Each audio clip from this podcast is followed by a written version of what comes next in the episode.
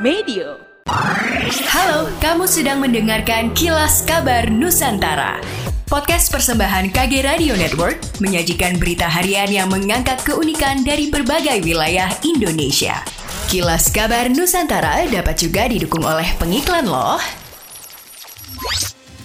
Komisi Pemilihan Umum KPU Kota Makassar menemukan 23 bakal calon legislatif Bacalek ganda. Hal itu sesuai tahapan verifikasi dokumen Bacalek partai politik peserta pemilu 2024. Komisioner KPU Makassar Gunawan kepada Smart TV mengatakan dari jumlah 23 Bacalek ganda itu, sebanyak 10 kasus di antaranya adalah ganda internal dan 13 kasus merupakan ganda eksternal. Ganda internal merupakan Bacalek ganda yang terjadi dalam satu partai namun namanya terdaftar di dua dapil. Kemudian ganda eksternal merupakan Bacalek ganda di partai yang berbeda. Misalnya satu satu orang bacalek diajukan di Kota Makassar, juga diajukan di tingkat provinsi dan lainnya. Gunawan belum bisa menyebutkan bacalek dari parpol mana yang dimaksud karena proses verifikasi administrasi masih berjalan. Pemberitahuan ke parpol akan disampaikan setelah Fermin selesai dan memasuki masa perbaikan.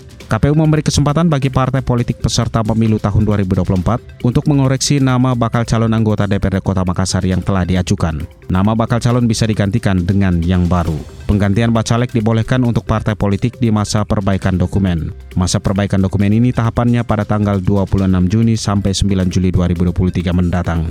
Penggantian calon dapat dilakukan jika terdapat kondisi kegandaan pencalonan.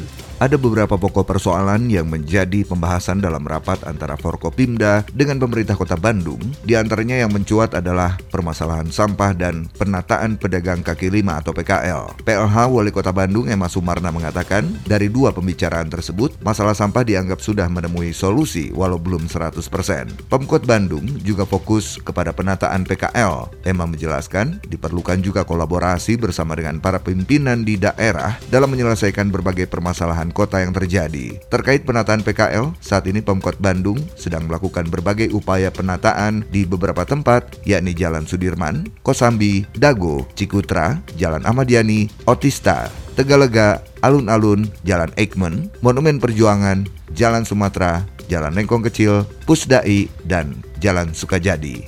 Demikianlah kilas kabar Nusantara malam ini.